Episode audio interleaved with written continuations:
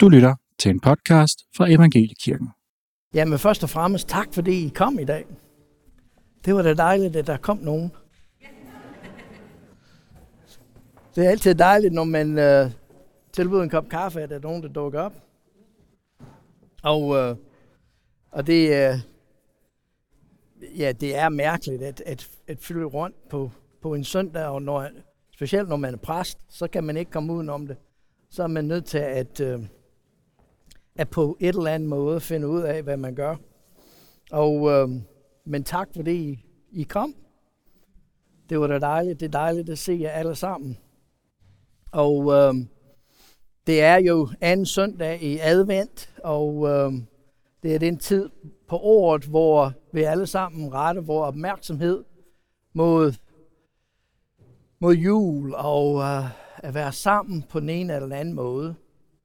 Um, samtidig med, at vi også mindet om alle dem, som ikke har nogen at være sammen med, og nogle af dem, som kæmper. Og um, jeg vil gerne, at vi som menigheden, vi husker dem iblandt os, der måske har det svært. Um, vi har specielt en, Tine. Hvor er du hen, Tine? Der er du.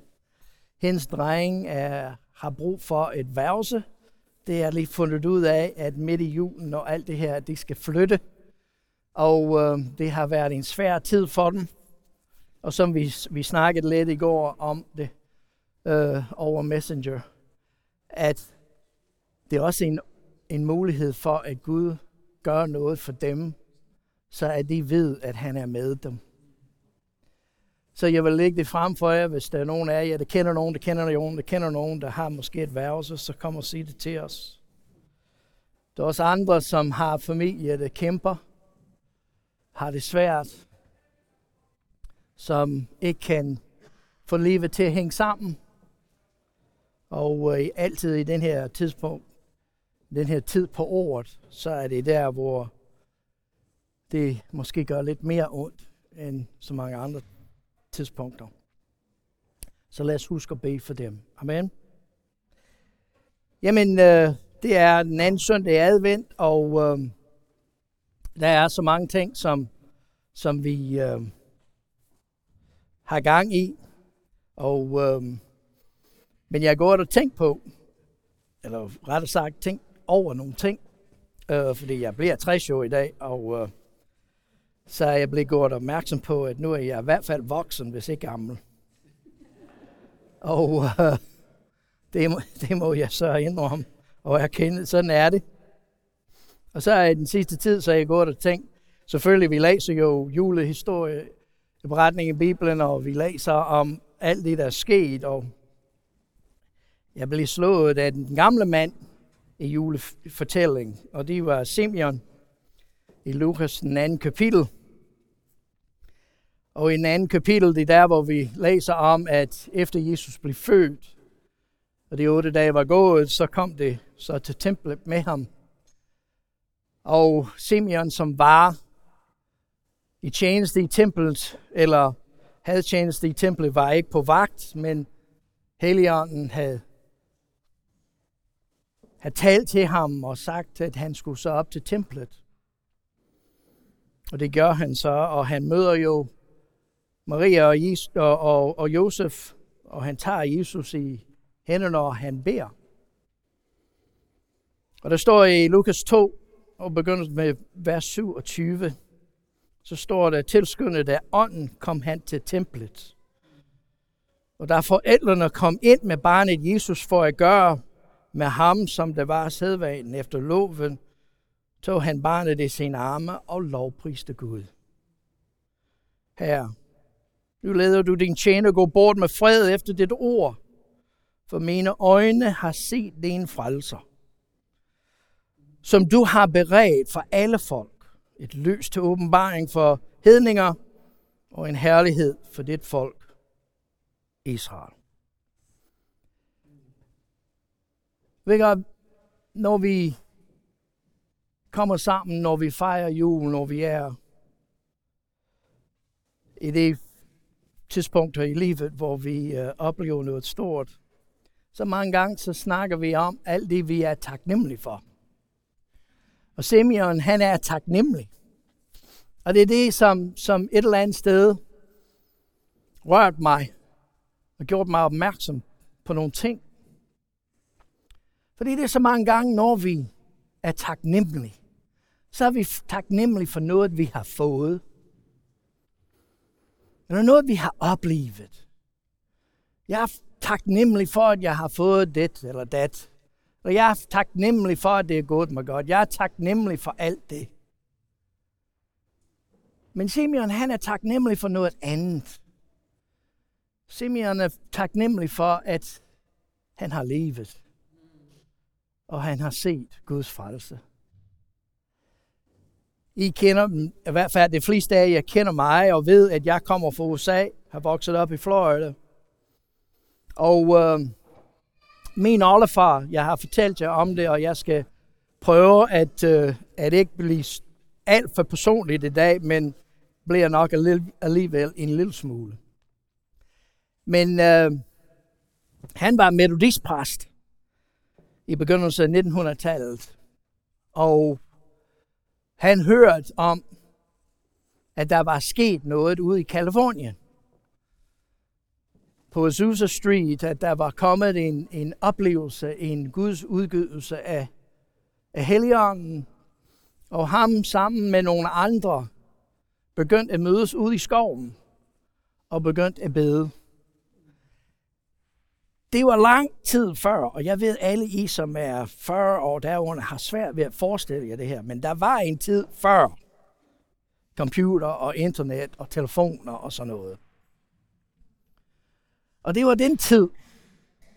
Så når det hørte om noget, det var fordi, der var gået flere år jo at det tog tid for, for folk at dele det med andre. Det tog tid for, for budskabet kom videre. Og hvis du har set på et kort, så Kalifornien og Florida det ligger langt fra hinanden. Så det var gået lang tid, så de vidste ikke engang, hvad det var, de bad om. De havde bare hørt, at der var nogen, der havde oplevet Guds nærvær. Der var nogen, der havde oplevet Guds kraft. Der var nogen, der havde oplevet at blive rørt af Jesus. Og det ville de gerne opleve. Så de vidste ikke, hvad det var, de begyndte at bede om. De begyndte bare at bede. Og der var cirka 40 af dem, der mødte i skoven. Og det var for forskellige kirkeretning. Min oldefar, han var metodistpræst, men der var katolikker med, der var alt muligt med. Baptister var med, lutheraner var med. Det bad om at opleve, at Helligånden må åbenbare sig for dem, som det han havde også gjort for dem i Kalifornien. Og ved du, hvad der skete? Helligånden faldt over dem. Og de vidste ikke engang, hvad det var. De vidste bare, at Guds ånd var faldet over dem, og en glæde kom op i dem. Og de blev født med Helligånden, og de forvandlede deres liv. Og min oldefar, han, øh, han var jo en metodist præst, så han kunne ikke lade være med at fortælle om alt, han havde oplevet. Og han blev med det samme sparket ud af metodistkirken, fordi de tror ikke på det. Og sjovt nok, at der var rigtig mange af de andre, der blev også ekskommunikeret af deres kirker og menigheder, så de begyndte at møde sammen. Og det var så begyndelsen af den første pinsemenighed i Florida. Og han var præsten. Og de havde ikke nogen penge, så de, de byggede de bedste kirker, de kunne. Og så var der nogen, der var utilfredse, de kom og de brændte det til jorden. Sæt ild i den, og det brændte ned. Det skete tre gange. Og hvis seneste gang det blev brændt ned, min arlefar, han ville samle dem alle sammen, og så ville de bygge det op igen. Og så til sidst, så blev det enige om, at, at de måtte så bygge en kirke af et eller andet art. Så det var dengang, at alle kunne bygge, og alle kunne lidt af alt. Ikke? Så alle mændene kom sammen, og de byggede en kirke af træ. Og i Florida, så der er rigtig meget sand, der er rigtig meget strand i Florida, så det er lidt svært at grave en fundament så mange gange, så bygger man oven på jorden. Og det gjorde det med den her kirke. Og han i den kirke startede det, som vi kender som pinsevækkelse. Det interessant var, at det var aldrig mening, at det ville starte en kirkesamfund. Det ville bare gerne have taget det, de oplever, tilbage til de kirkesamfund, det var en del af. Men det blev ikke accepteret, og så var de nødt til at finde sammen. Men Gud var med dem, og der oplever fantastiske ting. At ud af min oldefars tjeneste er der kommet 10 forkynder i de tre generationer, der er gået. At Guds ånd har været over hans familie, og Gud havde beskyttet ham. Fordi det gik rigtig mange år, og så skulle de så, de skulle så rive den gamle kirke ned, og så da de begyndte at gøre det, så da de kom til det område i kirken, hvor talerstolen stod, de begyndte at tage brædderne op, og når de kom ind under kirken, så fandt de, at der var nogen, der havde plantet nogle dynamit. Men starbordet var gået i stå. Og der var ikke sket noget. Men han sagde altid, og jeg har hørt ham ikke sige det, fordi han var død, da jeg kom til. Men de har levet i familien igennem generationerne. At han sagde altid, I'm glad I lived. Og det, og det er lidt interessant, ikke? Fordi, og det, jeg kan svært nok oversætte det, fordi det er også dårligt på engelsk. Fordi du kan ikke midt i livet sige, at du er glad for, at du har livet. Ikke? Men det han mente var det, han var glad, at Gud havde givet ham et liv. Han var glad for, at han fik lov til at leve. I stedet for at være glad for alt, han havde fået, han var glad for det liv, som Gud har givet ham. Og jeg må se, at jo mere, jeg har tænkt over det her på det sidste. Hvor taknemmelig jeg er over, at jeg har livet. Taknemmelig over, at Gud har givet mig et liv. Min far, han, han var også præst, og, men han var også meget drillesyg. Og han drillede os, specielt mig og min bror. Min bror har arvet det, så han er ikke sød. Jeg var den søde.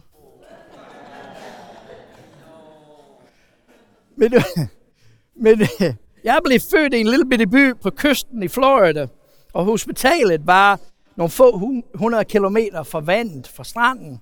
Og min far sagde til mig altid, du har meget at være taknemmelig for. Fordi hvis storken havde bare været lidt ved siden af, så ville du have været en fisk. Og jeg troede på ham. Han var min far. Så hele mit barndom gik jeg rundt og takkede Gud. Gud, tak, fordi jeg ikke er en fisk. Tak, fordi du gav mig et liv. Her nu lader din tjener gå bort med fred efter dit ord. Jeg har set frelsen. Jeg har levet, siger Simeon. Hvor er det utroligt, hvordan livet er, og hvordan Gud han virker i os. Jeg kom til at tænke på forleden over det liv, jeg havde og har haft, og forhåbentlig fortsætter med i mange år. Men hvordan kan det være, at en, der er født et helt andet sted i verden, voksede op i en forkynderhjem, men var meget anderledes end alle de andre i familien. Alle de andre, de kunne spille, og de kunne synge, og de kunne forkynde, og det var bare fantastisk. Og jeg har prøvet at få min fætter og dem til at komme over, fordi I tror, at I har oplevet en gator aften, men ikke som det rigtigt er. Og det kunne jeg ingen af de ting. Ingenting. Jeg var mere bolig, jeg kunne godt lide at læse, og det kunne de ikke. Det ville gerne spille og synge og lave alt muligt. Hvordan kunne Gud tage en i den situation Og så efter så mange år, at han står i København i Danmark som 60-årig, og er præst for en menighed. Det er kun Gud, der kan gøre det. Jeg har tænkt på, at der var en missionær, som vi, vi kendte i familien. Han var rigtig gode venner med min mor og far, eller et missionær par, som er stort set årsagen til, at jeg står her i dag. Han var en, en pinseforkynder i Alabama, i USA, som mødte en pige, som vi alle sammen gør, som det gjorde jeg også, og det er nok derfor, jeg er her.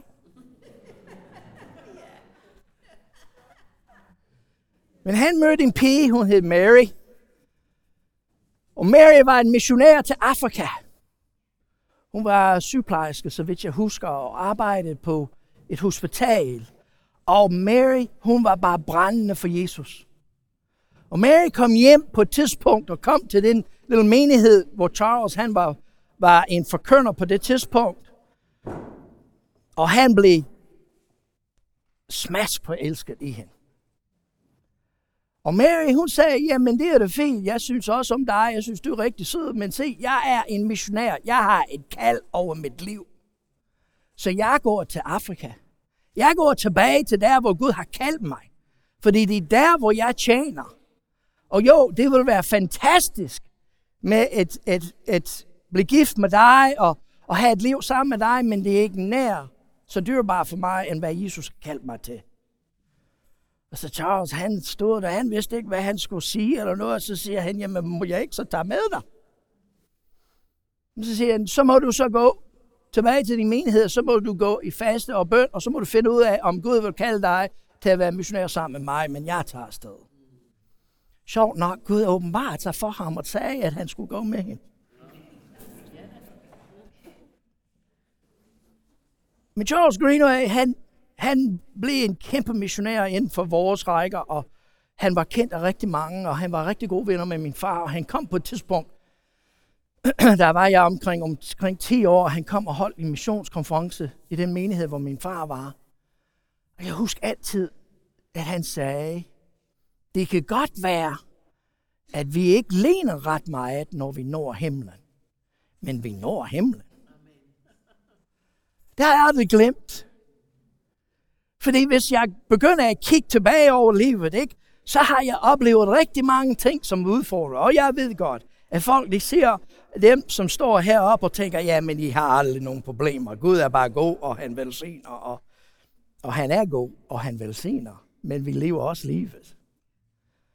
Og I kan godt tænke tilbage af alle de ting, jeg blev udsat for, og alle de ting, jeg skulle opleve, og alle de ting, jeg skulle gå igennem. Ja, nogle gange så, så har jeg det sådan, at når jeg når himlen, så vil jeg halte, blev slået, og måske kun kan nå ind i porten, men jeg når det. Amen. Og det er det, der er vigtigt. Fordi det er så mange gange i livet, at vi er taknemmelige for alt det, vi har fået, i stedet for at være taknemmelige for det liv, Gud har givet os. Fordi mennesker fortæller os, at hvis vi bare følger dem, så vil vi opleve, at livet er en fest. Men det vi oplever, det er, at fest bliver til en fiasko. Men når vi møder Jesus, så møder vi Jesus i alle vores svaghed. Og vi møder ham der, hvor vi ikke kan noget. Og han gør vores fiasko til en fest. Og det er det, vi sætter pris på. Jeg er taknemmelig. Og jeg vil prise ham. En ting, der slog mig med at læse om de fire i, i julekapitlerne, de fire, som beder Maria og Zacharias og Anne og Simeon. Det begynder alt sammen med, at jeg takker dig, Herre. Lovpris være Herren. Jeg opløfter dit navn, Herre. At hvor vigtigt det er, at vi har en indstilling i livet, hvor vi løfter vores øjne, og vi priser Herren midt i alting.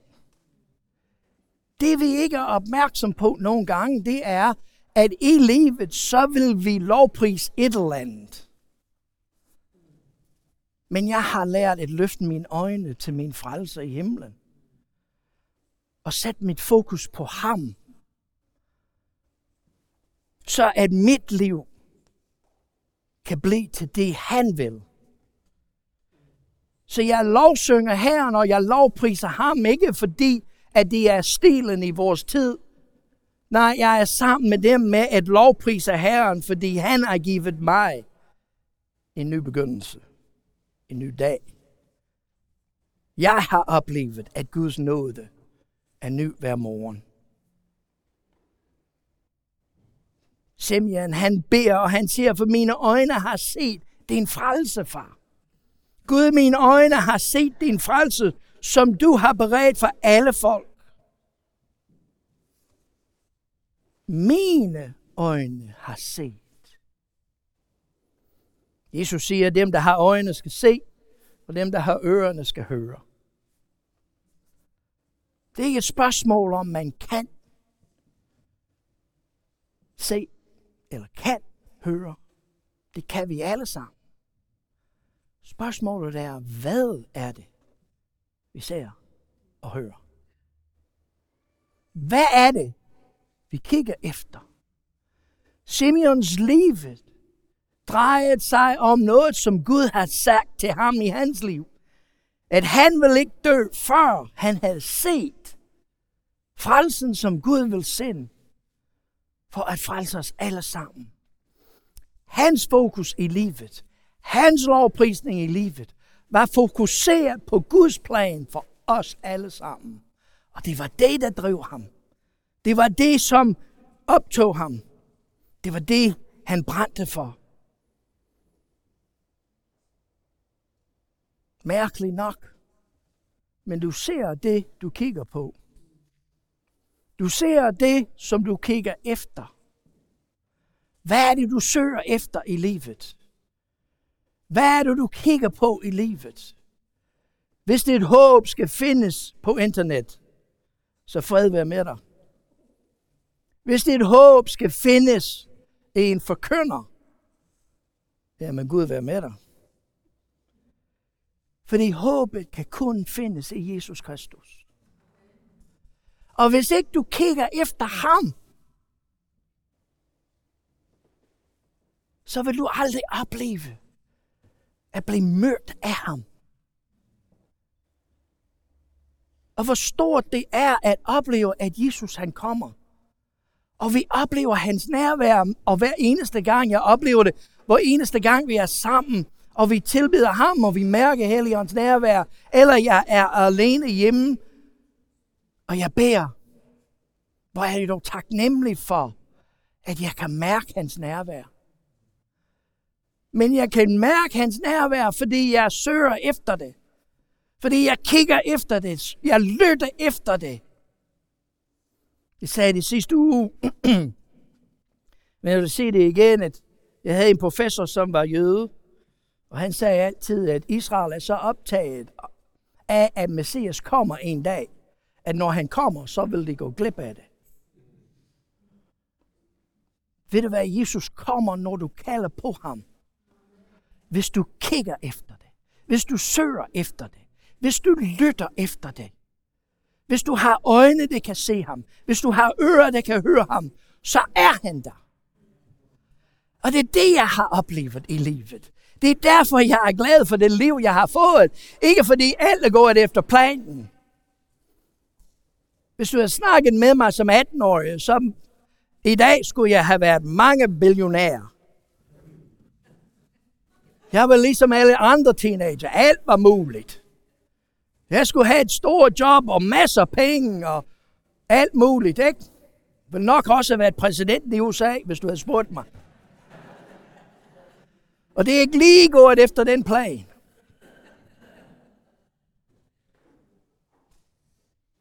Men hvor er jeg dog glad for, at jeg lært at høre ham.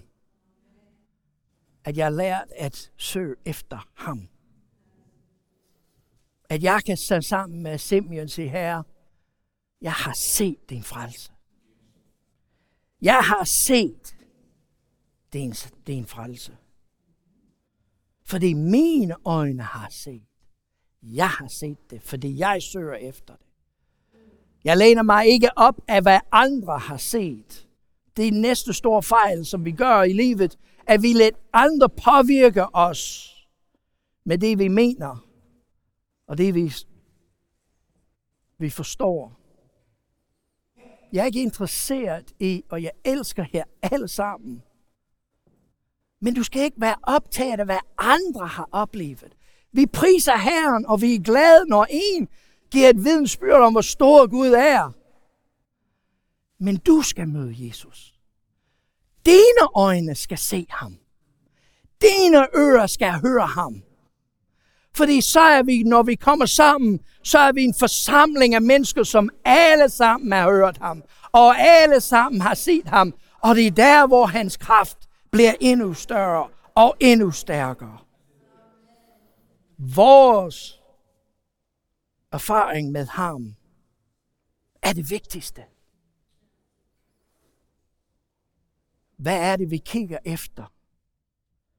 Vi kigger efter Guds frelse. Vi kigger efter Jesus Kristus, vores frelser. Og hvad er det for noget?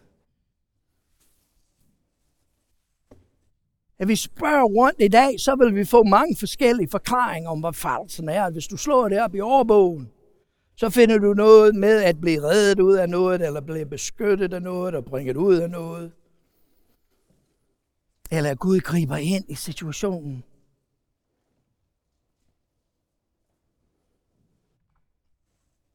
Men Peter han siger, at Jesus, han er den, der har flyttet os ud af mørket og ind i lyset. Ud af forvirring, ud af døden, ind i forståelse og ind i åbenbaring og ind i varmen. Han forklarer det ikke mere end det. Fordi din oplevelse vil være anderledes end min oplevelse. Du vil ikke nogensinde kunne have det liv, jeg har haft, og jeg kan ikke have det liv, du har. Men det vi alle sammen kan opleve. Vi kan alle sammen opleve at blive flyttet ud af mørket og ind i lyset. At Jesus Kristus, han bringer os ind i lyset, ind i et liv, som han har for os. Fordi Gud har beredt det for os alle sammen. Fordi Gud vil bruge os alle sammen. Der er nogen, der kan se måske, at ja, men jeg har ikke så meget at være glad for i mit liv. Hvorfor skal jeg være glad for, at jeg har fået et liv? Jeg kom til at tænke på, at jeg kender en, som hun og hendes mand er forstanderpar i en menighed i Florida. Hun er 40, midt 40'erne, begynder så 40'erne. Hun hedder Sydney. Og Sydney, hun er den sydeste kvinde, du kan møde. Men faktisk, Sydney er den, som står for alt børnearbejdet i hele staten for pinsevækkelse. Hun er virkelig en, der brænder for Jesus. Men vi kom til at snakke om det her forleden, da jeg snakkede med min bror, og han fortalte mig, at hun havde givet en andagt til en samling af lederne, hvor hun endnu en gang fortalte hendes historie. Fordi Sydney, hun voksede op i New York, i New York City, på gaderne. Og som 18-årig, så var hun narkoman. Og det var en aften, hvor hun var ude, og hun havde prostitueret sig for at få nogle penge, for, for at få narko, og hun shot op og var høj og havde drukket rigtig meget. Og hun gik ned ad en vej, en gade, og hun kunne mærke, at hun var begyndt at besvime. Og det var sent om aftenen. Hun så, at der var en, en trin op til en dør, og hun satte sig bare ned på den trin, fordi hun vidste godt, at nu besvimer jeg, og forhåbentlig dør jeg. Og hun lænede sig tilbage på en dør, som var låst, og hun faldt i søvn. Og hun fortæller selv, Jeg blev vækket, da de åbnede døren. Fordi hun var sat sig ned ved en dør af en Teen Challenge rehabiliteringscenter. Og de fik hende slæbet ind, og de gav hende lov til at sove, og hun sov to døgn. Men hun selv fortæller, da jeg vågnede, så blev jeg forvandlet. Og Gud tog min, mit elendigt liv og forvandlede mig. Og nu i dag, så er hun pastorpar sammen med hendes mand for en menighed af flere hundrede og står for børnearbejde for hele staten. Ja, jeg ved godt, at der er rigtig mange, der har oplevet rigtig svære ting. Men du ved ikke, hvad det er, du gør, der har en konsekvens for folk senere hen. Hvis du vil bare lære at høre ham og se ham. Og det er derfor, det er så vigtigt, at vi som en menighed har det arbejde, som vi går ind i som en menighed. Fordi der er mennesker derude, der har brug for at møde Jesus. Og den eneste måde, at de kan møde Jesus, det er at møde dig. Så det er derfor, vi går ind i de forskellige arbejder, som vi har. En familiekær arbejder, eller en streetkær arbejder, eller en kirkekær arbejder, eller hvad det nu er, som vi går ind i og bliver en del af. Hvorfor? Fordi der er rigtig mange sidninger derude. Når de møder Jesus, vil gøre en forskel. Vær som Simeon og sige, far, jeg takker dig, fordi du har givet mig et liv. Jeg takker dig, fordi du har lært mig at se og høre, hvad du vil. Nu, far, lad mig være den, der går ud og møder dem omkring mig. Fordi de har brug for åbenbaringer i deres liv. De har, oplevet, de har brug for at opleve, at du kan komme ind og give en, en forklaring og vise mig en sammenhæng i mit liv. At du kan møde mig og forvandle mig. At du kan vise mig din storhed og din trofasthed. Og der er så mange, der har brug for at møde Jesus. Lad os være det folk. Lad os være som Simeon. Far, jeg ved godt, mit liv er ikke så meget at kigge på. Jeg ved godt. Og du ved det med, end jeg gør. Men tak for det liv, du har givet mig.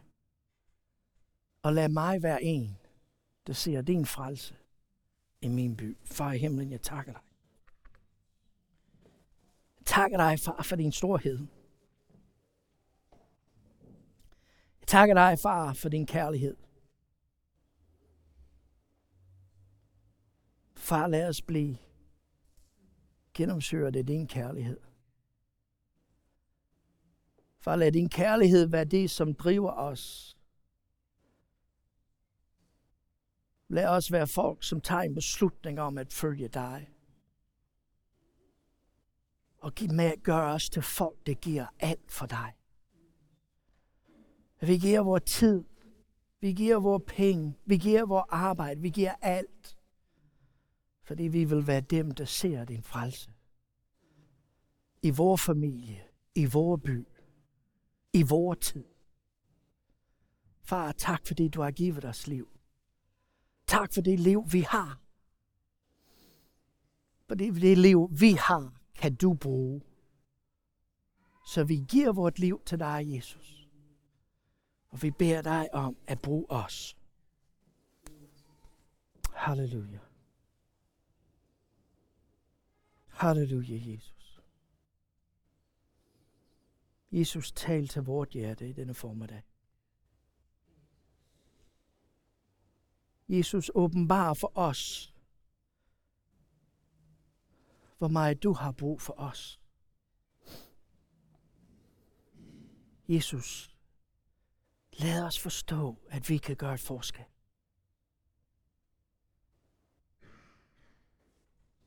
Halleluja.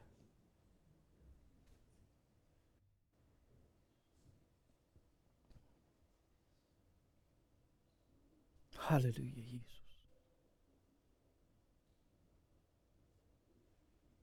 Hallelujah, Jesus.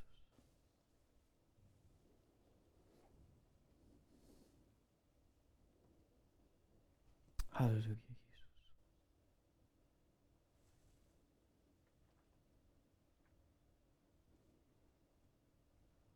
Hallelujah.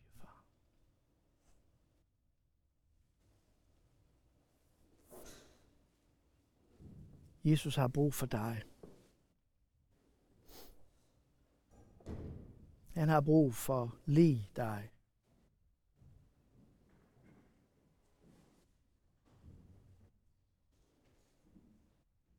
Og det kan godt være, at du sidder i dag, og du tænker, jamen far, hvad kan jeg give? Det er altid mig, der kommer og spørger. Det er altid mig, der kommer og beder. Far, hvad kan jeg bidrage med? Jesus vil bare sige til dig i dag, i din svaghed, i din magtesløshed, det er der, hvor jeg vil vise min storhed og min styrke. Jeg Jesus siger, jeg beder bare om at bruge dit liv. Så vil du se min storhed. Tro på mig. Du kan stole på mig, du kan regne med mig. Jeg vil aldrig forlade dig. Jeg vil altid være hos dig. Men jeg har brug for dig.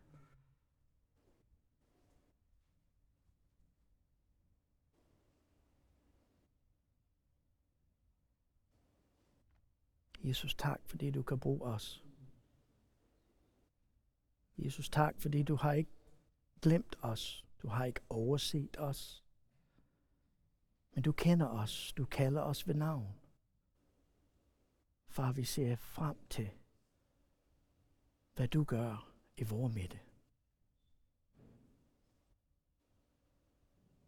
Amen. Lad os alle sammen rejse os.